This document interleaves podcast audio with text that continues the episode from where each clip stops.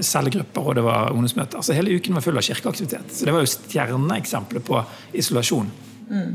Eh, og, da, og så, var, så, dro man ut, ut på misjonstur liksom, om sommeren, gjerne til Europa, og, sånn, og, og sa på en måte 'bø', hæ, Brakt evangeliet. Ja. Eh, og så tilbake igjen til ja. den trygge boblen. Mm. Dette er Senderpodden, podkasten som gir deg inspirasjon til å leve med Jesus i hverdagen. Mitt navn er Karina Jacobsen. Hermund Haaland har et stort engasjement for å snakke med folk om hvordan kristne kan bevare troa gjennom hele livet. Han har sjøl vært den som hele tida står på og til slutt møter veggen. Ikke bare én, men to ganger. Noe vi kommer inn på, er hvordan unge voksne kan bevare gløden gjennom hele livet. Også gjennom kriser, hektisk familieliv og tvil. Du, da sitter vi her altså i Tønsberg. Eh, og jeg sitter her med min gjest Hermen Haaland. Og vi skal ha en god prat om tro og arbeid, og hvordan vi kan bevare gløden gjennom hele livet. Dette blir stas. Eh, veldig spennende å ha deg her. Eh, og vi gleder oss til å bli kjent med deg. Eh, kan du ikke bare si litt kort hvem er du? Ja, nå vet du at en del lyttere sikkert har truffet på meg opp gjennom årene. Hermen Haaland er altså bergenser i eksil på Østlandet. litt, eh, litt konens eh, tilhørighet til Østlandet pluss eh, Skaperkraftskontoret i Oslo, som gjør at vi er her fortsatt. har bygd opp Skaperkraft sammen med andre i ti år. Det begynte som en tankesmie, og nå er det blitt tankesmie og Senter for tro og arbeid. Yes. Skal fortelle litt mer om det etter hvert. tenker. Jeg har tre barn. tre eh, begeistrede, entusiastiske med bergenskene antageligvis. da, Barn eh, med østlandsdialekt. Som er seks og nesten syv, fem og 16 måneder. Eh, så det er full fart for tiden, og veldig mye gøy. Det er nydelig. Du har ikke klart å prakke på de bergensdialekter? Altså. altså, de sier sånn Vet du hva? med østlandsdialekt. Så det, den har de. Ja. ja, det er nydelig. Så nå sitter vi altså på en kafé her i Tønsberg, så hvis dere hører litt sånn eh, klinging i kopper og sånn, så er det bare naturlig kaffedrikking mm, og kafé. God americano. Ja, nydelig.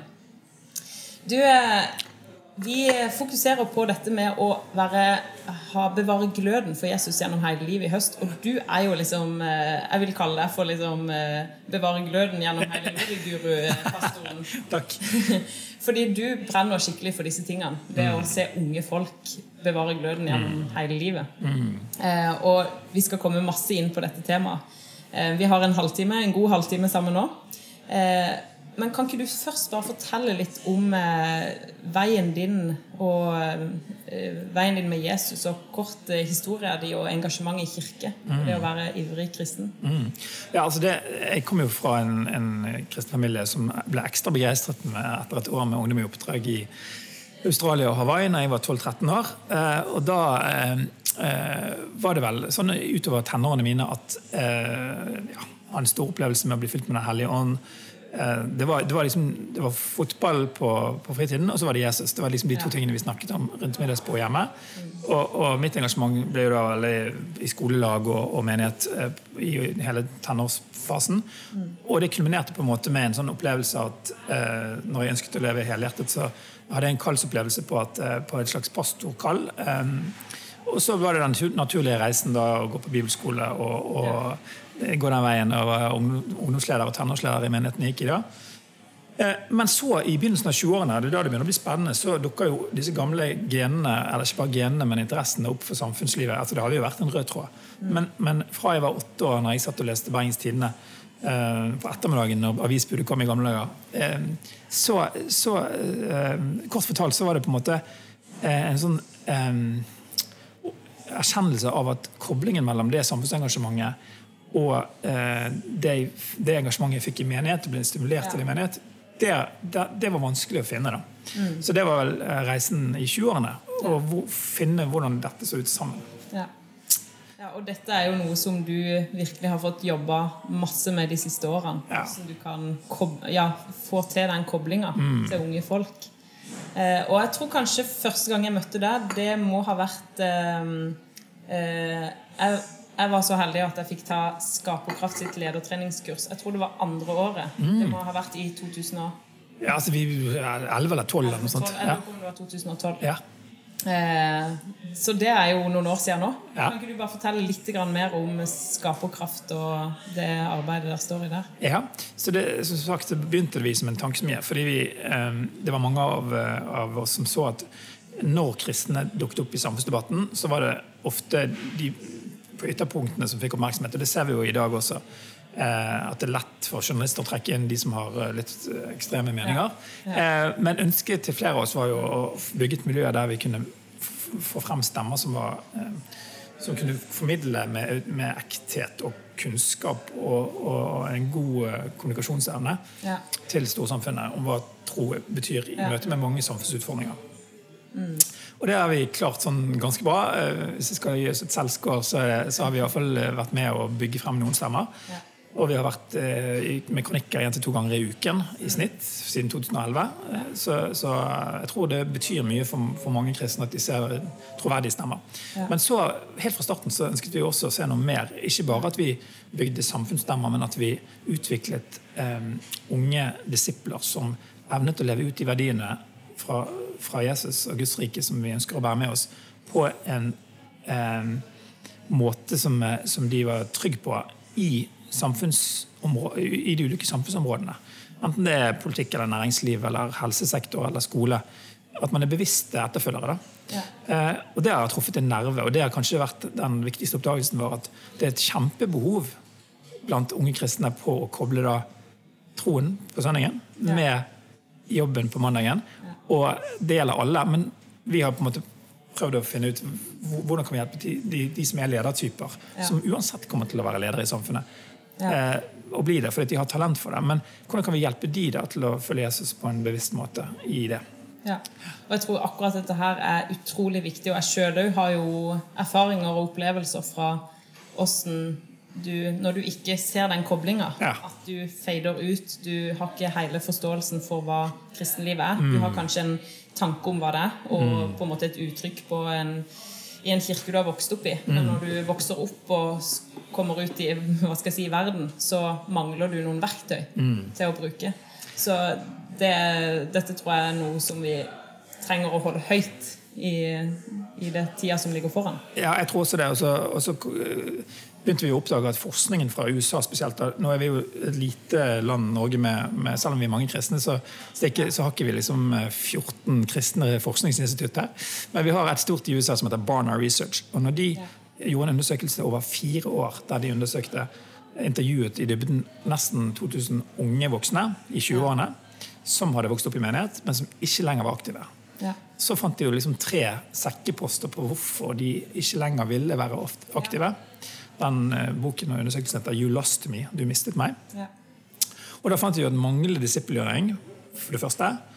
For mye underholdning. og Man hadde ikke catchet virkelig hva det vil si å følge Jesus gjennom oppveksten i kirken. Det er jo tragisk. Ja.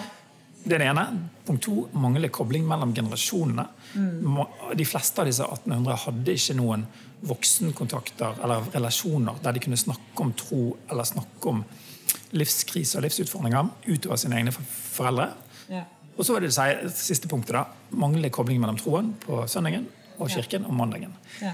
Og, og da, da har vi forskningsbelegg for å si at dette her er jo utrolig viktig. For Hvis vi mister da 60-70% av menighetsbarna våre, Ja. og dessverre så ser det ikke ut som at Kristent Nettverk eh, slår eh, alle rekorder eh, i positiv forstand, det er Uansett hvilken sammenheng, så, så Mm. Er det en utfordring for oss alle. da.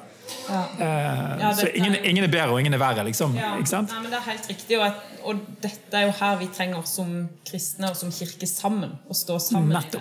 For det, er ikke noe en menighet i Norge kan løse. Men dette det er noe vi trenger å jobbe med på samfunnsnivå og i, I kirkene våre. Og disippelgjøringsnivå. Nettopp. Og over tid, ikke bare sånn med en kampanje, men over de neste 10-20 årene. Så kan vi kanskje få statistikken ned fra 60-70 til 50 Ja. Det hadde vært fantastisk. Og her, kommer det inn med tall, og for de som er gøy å jobbe med tall, er det jo utrolig spennende å se på tall og forskning og se ok, kan vi være med som kirke og se at disse tallene går ned. Men disse tallene er jo vår, din nevø, det er din, eh, ditt barnebarn, det er, det er din søster Ja. vi snakker om. Ja. Og så har vi da reklamepause, fordi da kommer Skaperkraft senter for tro og arbeid inn i Yes. bildet. Så nå har vi jo Mange av kristen fellesskapsmenighetene er jo partnermenigheter. Og da er det tilbud å bruke Skaperkrafts nye senter for tro og arbeid som en ressurs Ja. som vi ønsker å styrke i årene som kommer. Sånn at vi ikke skal finne løsningene, men å være katalysator for i Kirke-Norge og finne løsninger og spre de gode løsningene som gjør at vi kan sammen jobbe med dette. Ja. Så oppfordring og oppmuntring til Bruk oss. til kristne i Norge, så Kristennettverket altså de, vi som står eh, bak senderpodden her, og så er det mange andre lyttere der ute. Så eh, tips til dere. Eh, søk opp Skaperkraft. Og jeg vet at de er mye rundt i landet og holder foredrag og snakker om akkurat disse tingene. Så få med deg det i byen der du bor. Yes. Ja, mer sånn personlig. Din reise. Og for jeg vet at eh, mange av disse tingene du brenner for, er også ting som du har opplevd i din reise. I kirke og menighetsliv og være brennende for Jesus. Kan ikke du fortelle litt hvordan din reise har vært? Ja, vi skal gå litt mer i detalj. Så, så um, får vi vel åpne denne boksen og fortelle at jeg, gikk, jeg var altså i min begeistrede ungdom eh, tenåringsleder i en menighet som heter Levende Ord i Bergen i gamle dager. Eh, og da hadde vi jo et stort miljø, det var 100, 100 ungdommer. Eh, fordi at jeg kom hjem fra bibelskole og opplevde da en, en kallsopplevelse gjennom tenårene som, som jeg ønsket å gi, jobbe helt for Jesus. Ja. Og tenkte at da betyr det pastor i en klassisk forstand. Ja. Så jeg husker jeg hadde 100 tenåringer hver fredag sammen med et lite team. Eh, Og så gjorde jeg em, en sånn enkel undersøkelse da, der jeg, jeg var litt opptatt av statistikk i gamle dager òg. Ja. Tok eh, en håndsopprekning på hvor mange som, som kjente en ikke-kristen person av de 100. Og halvparten gjorde altså ikke det. Så det var jo et Ja, Det er ganske utrolig. ikke sant? Nå er det levende ordet en stund siden, så nå kan vi snakke. og det er lenge siden nok. Men altså, eh, det var altså sånn at, at eh, 50% av kjente, de, de gikk bare i kirken, de gikk på kristen skole, det var eh, cellegrupper og det var ungdomsmøter. Altså, hele uken var full av kirkeaktivitet. Så det var jo stjerneeksempelet på isolasjon. Eh, og, da, og så, var, så dro man ut, ut på misjonstur liksom, om sommeren, gjerne til Europa, og, sånn, og, og sa på en måte 'bø', hæ? Eh, bra- Brakte evangeliet. Ja. Eh, og så tilbake igjen til Ja. den trygge boblen. Så dette ble, det skjærte seg i hodet mitt, altså, for jeg tenkte det er ikke sånn vi er kalt til å leve. Ja. Eh, så, så, så det var jo nok stjerneeksempler på at jeg skjønte at ok, eh, jeg begynte å studere historie og sosiologi. En Ikke teologi, altså. Ikke teologi. Ikke den Hadde- Nå skal jeg bli pastor. Nei, for jeg hadde to år bibelskole i Afrika i bagasjen. Ja. og, men jeg tenkte at skal vi være ledere i, i kirken, så må vi forstå det samfunnet Ja. eh, vi lever i. Jeg husker kanskje fra bibelskolen én et tema som virkelig hadde satt seg. da. Dette med inkarnasjon. At Jesus ble menneske og formidlet, eh, formidlet eh, Guds rike Ja. med hender og føtter.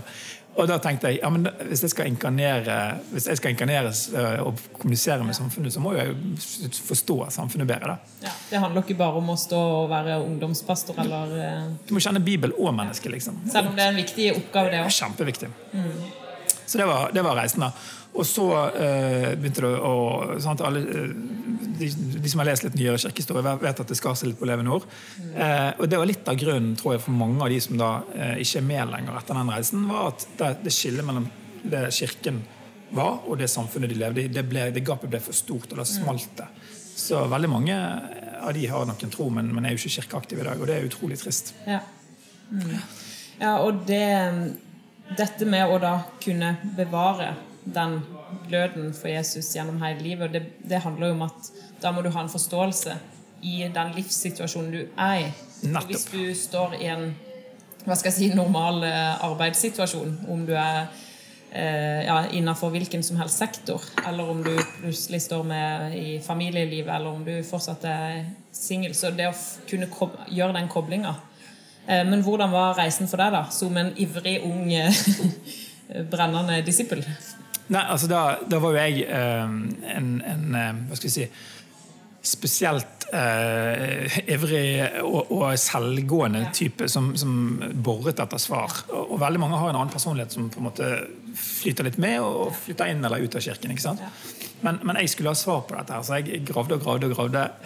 Og, og husker at etter den smellen i den kirkesammenhengen jeg gikk i på Levende Nord, så eh, satt jeg på Stortinget som 24-åring på en samling der en del politikere hadde invitert til en helg der de, temaet var å følge Jesus. Eh, hva betyr det? Og spesielt i samfunnslivet. Da. Og da var det så du husker Bondevik var statsminister og kom og snakket til oss. Og en del journalister, en del politikere, en del næringslivsledere som fortalte hvordan de fulgte Jesus først, og så tjente de gjennom sine yrker. Mm. Ja. Og så har man jo skjønt ettertid at ingen er perfekte, så dette var idealet man delte. Men, Mm. men det var fantastisk. Jeg husker lynet slo ned omtrent i hjertet mitt i, på den samlingen den helgen. Der vi tuslet rundt i Stortinget en helg. Eh, og, og, og jeg tenkte bare at dette eh, ønsker jeg å gjøre resten av livet. Jeg ønsker å medvirke til at, eh, at vi får sånne ledere i landet vårt eh, og i Europa som, gjør, som, som følger Jesus helhjertet først, og så kan de tjene de menneskene de er satt til å tjene.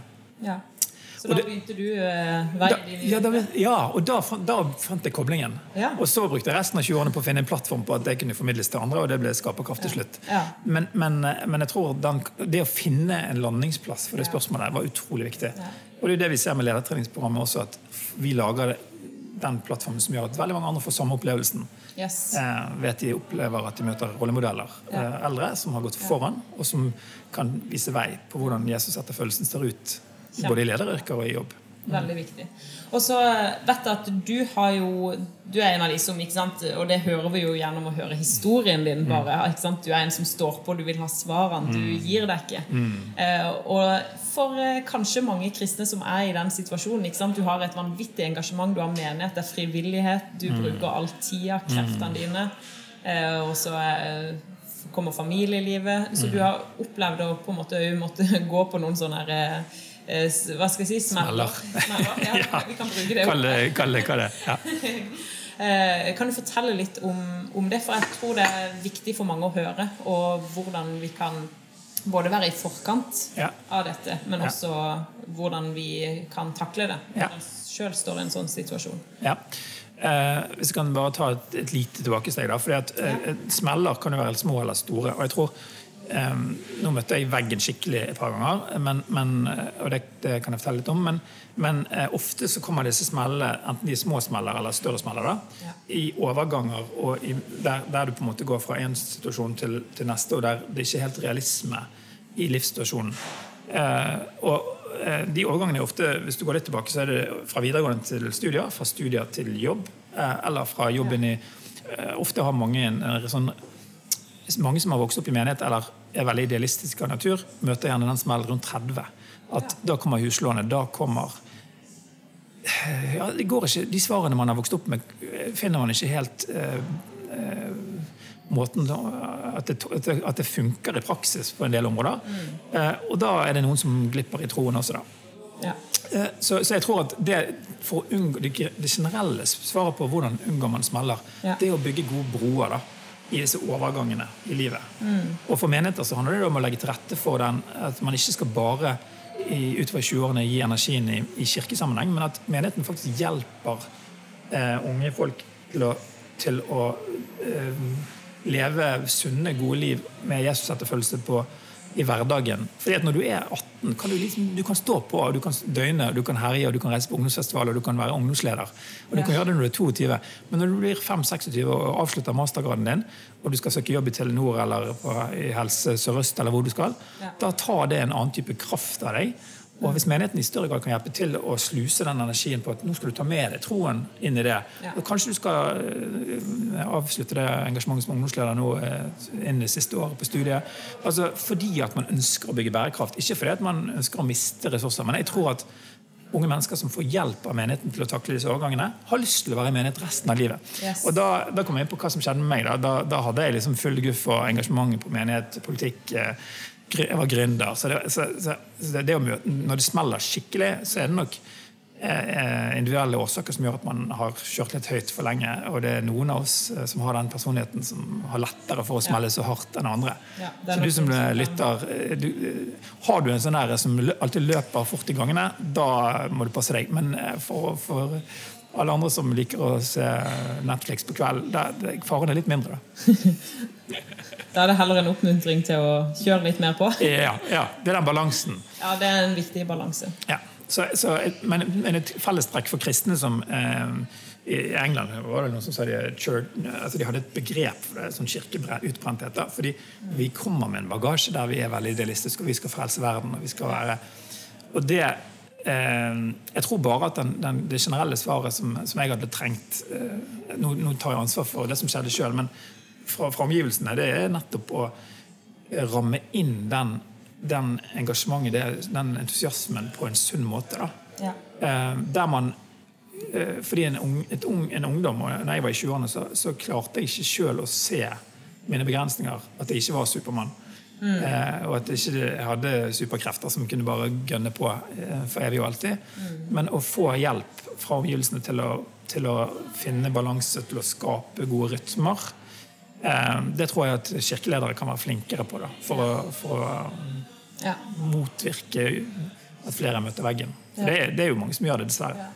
Ja, så blir Det den, ikke sant? Det er alltid behov i menighet, det er alltid ting som trengs. så det der, eh, Av og til blir det litt sånn at når du har noen engasjerte folk, så er det de du bruker. Ja. Men hvordan skal vi finne balansen der i forhold til at folk skal leve bærekraftige liv? Ja. Mm. Altså, jeg tror I næringslivet snakker vi om at uh, man har flere bunnlinjer. altså det er bare, Man er ikke lenger så opptatt av bare å tjene penger, men skal også redde verden og ha godt miljøavtrykk osv. Mm. Jeg tror kanskje parallell i kirkelandskapet må jo være at kristenledere og kirkeledere må tenke to ting. Vi skal bygge menighet, men vi skal også bygge mennesker. Jeg vet at man gjør det, men man må virkelig være bevisst på at mm. denne personen, ja, vi trenger en ny barnearbeider. Men samtidig så trenger Per og Kari, som nå er våre ledere, ja. vi trenger å bygge sunne og hele mennesker som ja. varer livet ut. Ja. Og da må vi uh, hjelpe til å legge til rette for det frivillige engasjementet på en sunn måte. Men sånn tilbake personlig for deg, hvordan, hvordan jobber du deg gjennom ting sjøl når du opplever å gå på møteveggen på den mm. måten? Altså, Hva skjer på innsida? Hvordan ja, det, det, altså, der hadde vi trengt noen flere timer. for det er så, ja, ja, ja.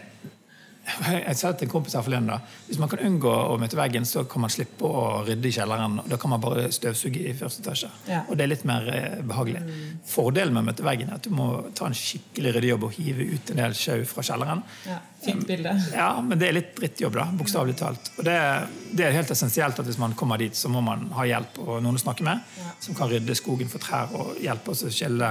Jeg trengte det. Eh, gå til sjelesorg og til samtale. Mm. Og rydde hva hva, hva, hva, hva, var tingene, Hvorfor endte jeg i sofaen som jeg gjorde? Mm. Eh, hva gikk feil, og hvordan kan jeg bygge videre sunnere? Eh, jeg måtte kjøre, gjøre den runden to ganger. En gang som 32-åring og en gang som 42-åring. Mm. Eh, så nå, nå, håper jeg at jeg har lært godt nok så jeg unngår en tredje. Mm. Det er ikke sånn 32, 42, 52? Ja, altså Faren er at uh, Som tiårs? tiårs? Jo, jeg tror at uh, jeg skal være ekstra bevisst nå når jeg uh, får opp tempoet igjen, at jeg skal ligge under streken og ikke over streken. Ja. Mm. ja. Nei, men jeg, jeg, tror at dette er viktig for mange, og det der å tørre også å stoppe opp, som du sier, da, og det å ligge under streken. Og kan du gi noen sånn tips til altså, hvordan, med de erfaringene du har nå? da, Hvordan kan du klare å ligge under streken i forhold til liksom, personlig liv med Gud og engasjement og det å kjøre på? Du har en drive. Ja, altså jeg tror eh, det, Igjen, psykologene eller de som har studert dette, har hatt flere bokser å putte på. Men, men, to sånne kategorier. Du har jo sånne typer som meg, da, som har en utrolig drive selv. Mm. Um, og så har du kanskje de som er flinke til å si ja, flinkere å si ja enn å si nei. Som, som elsker å hjelpe til. Ja. Og hvis du er den typen, så, så, så er jo det enkle svaret at man, man må liksom lære å si nei. Og, så kan menighetslederen hjelpe til med å være litt mer var for at man hjelper folk å si nei. Hvis du har en som alltid sier ja, så må du kanskje ringe en bjelle at hjelp de til å si nei. Har du nok tid til å være alene? Har du nok tid til å reise på hyttetur med kompisene, selv om du må skulke en søndag, liksom, så er det viktig å ha sånne pausehull som, som er ikke bare når du er sliten, men før du er sliten. da, mm. Jevnt og trutt. Eh, jeg har et boktips her. En fantastisk eh, poster som heter John Mark Comer har skrevet en bok som heter The Ruthless Elimination of Hurry. Ja. Jeg anbefales Jeg har akkurat kommet halvveis. Men, men, jeg tror det er noe av Vestens kultur i oss som påvirker oss i kirken også. At vi skal være så effektive og flinke. Ja. Så, så the ruthless elimination, den grundige fjerningen av stress, er kanskje det beste rådet for begge typene. da, De som sier ja for mye, og de som har den indre driven. Og indre drive-folk som meg, der eh, trenger vi hjelp til å nettopp eh, jobbe med det spørsmålet om hva er det som er viktig. Eh, jeg trengte hjelp til det. Hva er suksess? Hva er det som er viktig? Og jeg har nok spist den der suksessoppskriften om- som man har i Vesten. At hvis du er flink og får masse gjort og får masse til, da har du suksess. Ja. Mens det jeg kanskje begynner å oppdage, sånn sakte, men sikkert, at suksess i mye større grad handler om trofasthet og overgivelse til det Gud kaller oss til. Og det Gud kaller oss til, er ikke nødvendigvis det som eh, en pastor alltid vil, Nei. men det vi er skapt til å være. Ja. Og Da må vi, da må vi oppdage hva er jeg skapt til å være. Hvem er jeg skapt til å være? Hvilke talenter og gaver har jeg? Hvilken personlighet? Jeg oppdaget jo annet at jeg var mer introvert enn jeg hadde trodd. Ja. Sånn at når jeg giftet meg, fikk barn og var gründer og skaperkraft, så røk all den alenetiden som jeg hadde hatt naturlig før jeg var gift. Ja. Og så ga jeg ikke rom til den, f.eks. Ja. Så det å, jeg måtte oppdage at jeg må ta tilbake alenetid, og det krever mye mer planlegging når jeg har tre barn. Ja, og Det er jo mange ting som en lærer underveis, som du kanskje i en situasjon da ikke lærer. Når Ja. du er singel og kan gjøre, ha en mye større fleksibilitet. Helt sant. Ja. Eh, Men, men allikevel at du Altså, én ting er jo når du, familieliv kommer, og det er masse som skjer på hjemmebane. eh, Så er det også altså, Da er det kanskje det som påvirker altså, at det blir ekstremt mye å gjøre. Men Ja. selv når du er ung og pådriver og ikke har det familielivet, så er det likevel mulig å gå på de smellene. Virkelig. Virkelig. Ja. Og, og da er vi tilbake liksom til kanskje der vi begynte litt, med, med, med disse tre punktene fra Barna Research, eh, disippelgjøring, kobling mellom generasjonene, kobling mellom tro og arbeid. Nå har eh, en rekke frikirkemiljøer, Fribu, eh, Pinsevenns barne- og ungdomsarbeid, baptistene, metodistene, gikk sammen om en stor konferanse før korona som het Gi Jesus videre. Ja. Der man brukte disse tre punktene. Og da begynte man, og det, det er her det begynner å bli relevant for, for 20-åringen og 30-åringen, Ja. vi begynte med, med dette punktet hvordan formidler vi tro i hjemmene. Det handler altså om at når du er ungdom, som, som menigheten på en måte har kanskje lagt til rette for, for, eh, for mye ungdomsarbeid, og sånn, Ja. så har du nesten ubegrenset kapasitet på å henge med de andre i kirken. Ja. Men livet er altså langt fra, fra vugge til grav. Og vi må i større grad bli flinke til å tenke at det disippellivet, livet, som er veldig intenst i ungdomstiden, i kirke, på ungdomsmøter, på, på konferanser, på turer, det må vi i større grad bli flinkere til å tenke at det ser annerledes ut når du er 25 og 30 år og videre. Ja. Og det, må, det er for seint å begynne å snakke om det Ja. når vi har mistet halvparten av 25-åringene. Yes. Så vi må begynne å forberede 23-åringene. Ja. Og så må vi legge til rette for det. Ja. Så det er en missing link der. Man. Mm. har ungdomskonferansen med høye hender, men man har ikke overgangen til neste fase. Det er kritisk. Der er menigheten skikkelig dårlig generelt. Ja. ja, men eh, dette, og nå er vi jo liksom midt i kjernen av det. At det er her, de overgangene, og det å snakke om tro, og det å få folk til å både være åpen og ærlig med livet sitt, og det å kunne ha ord og begrep og snakke om ting. Um, og altså, nå har jo du delt litt av historien din, og du har jo skrevet en bok eh, som heter 'Samfunnsbygger'. Eh, og den eh, Her tar du opp veldig mange av disse tingene. Så hvis du, du som lytter på har lyst til å gå enda dypere inn i ting, så kan du lese den boka, og sikkert mye annet stoff som også fins på, på dette her området med forskning. Eh, men du var jo inne på dette her med at det er noen punkt som gjør eh, at det er mange som går bort fra troa. Eh, og det er jo akkurat de tingene som handler om de overgangene som du snakker om. Kan du bare si litt mer om hvordan kan vi som kirker, som menighet, som kristne i Norge i dag, hvordan kan vi være med å backe eh, og legge til rette for at disse overgangene kan eh, fungere i enda større grad? Altså, det- sant, igjen, vi har dårlig tid, og det blir kort. Men, men, eh, men den korte versjonen er at jeg tror det viktigste begynner i hjemmene. Og der er det en fantastisk oppvåkning i Kirke-Norge. I hvert fall i lavkirkeligheten. At vi oppdager at oi, det nytter ikke bare å ha gode søndagsskoler. Vi må faktisk hjelpe foreldrene å finne måter å leve ut tro i praksis på hjemme. Og så viser det seg at, at er du oppvokst i en familie som har gjort det før, så vet du hvordan det skal gjøres. Ja. Eh, Men hvis du kommer som kanskje majoriteten av kristne familier, de er ikke vant til å be og ha andakt eller synge sammen Nei. hjemme. Eh, De er vant til å gå i kirken og få fast food. Ja. Så her må menighetene bli flinkere på å lære foreldre å, leve utro i praksis rundt middagsbordet. Ja. Og så må vi se om finne praktiske måter å koble eldre visekristne på unge. Mm. Spesielt nå når vi har veldig mange ungdomsmenigheter. Hillsong og Salt, og vi har andre som er mer er rettet inn mot uh, unge voksne. Så må man finne veier å koble på de erfarne. Ja. Og ikke med sånne her eh, Så mange 40-50-åringer føler ikke de har noe å komme med, eller 60-åringer. Men fakta er at vafler og kaffe det er det 25-åringen trenger. Og bare noen som kan snakke om livet. Eh, og så er det tro og arbeid. Så, som, eh, kortversjonen her, jeg har flere tips i boken, men det er jo, det er jo rett og slett å begynne å preke om tro og arbeid. Det er det enkleste en pastor kan gjøre. Les Luther om, om, igjen. Han var veldig opptatt av det. Mm. Tim Keller eh, i, i, New York har, eh, har supermye bra på, på, det. Andre, andre som, det, har, det har blitt en stor bevegelse som er opptatt av troarbeid. Begynn å preke om det.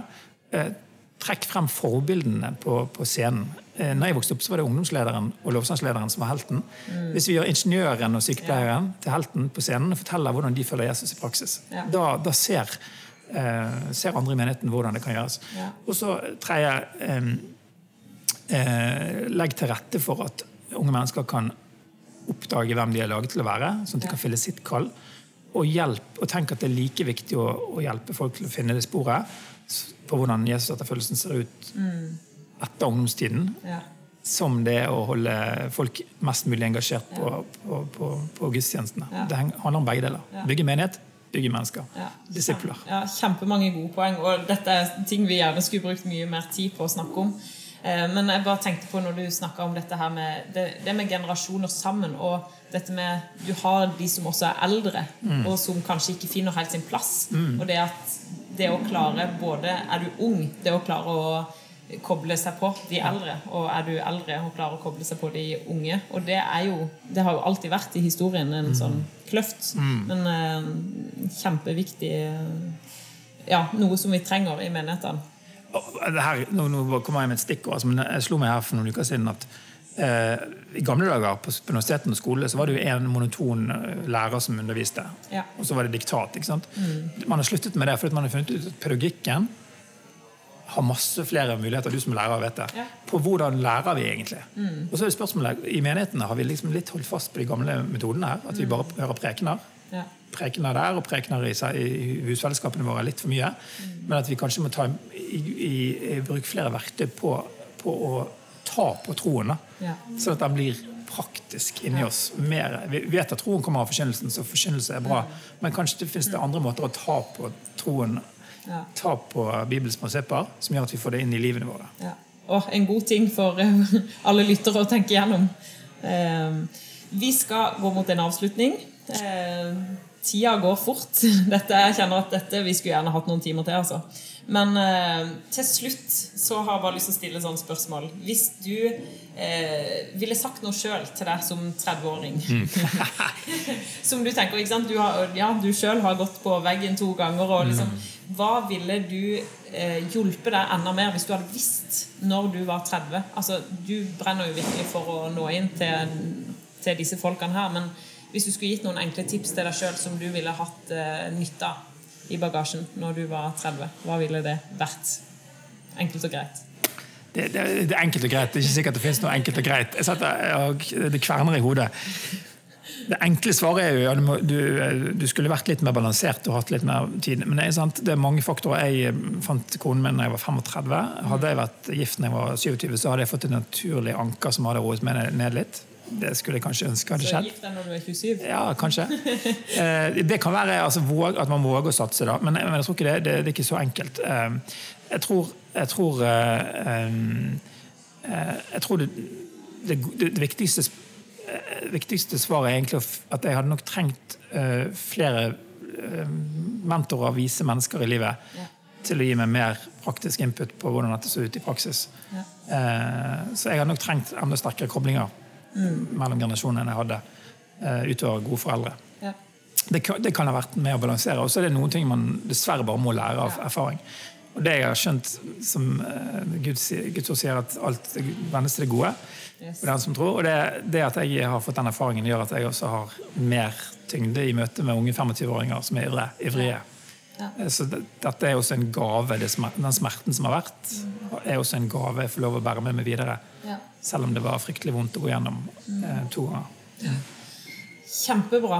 Gode, gode, tips du kommer med til slutten der. Og jeg tror jo, det er jo som du sier, at vi, livet det må læres underveis. Og det er ikke alle ting. ting. Vi kan lære oss å snakke om ting, men noen ting må på en måte erfares underveis. Og, og, underveis, og du er jo også sjøl fortsatt ung og har et uh, langt liv foran deg. Så det at vi hele tida tør å stoppe opp, tenke gjennom ting.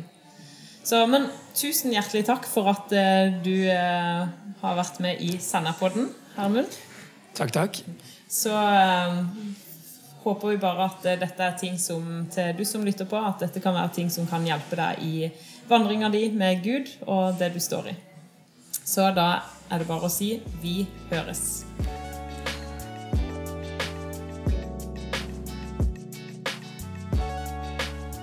Takk for at du hører på Senderpodden. Hvis du vil ha mer stoff som dette, så sjekk ut sennep.nett. Og følg oss gjerne på Facebook, Instagram og den podkast-appen som du bruker. Mitt navn er Karina Jacobsen.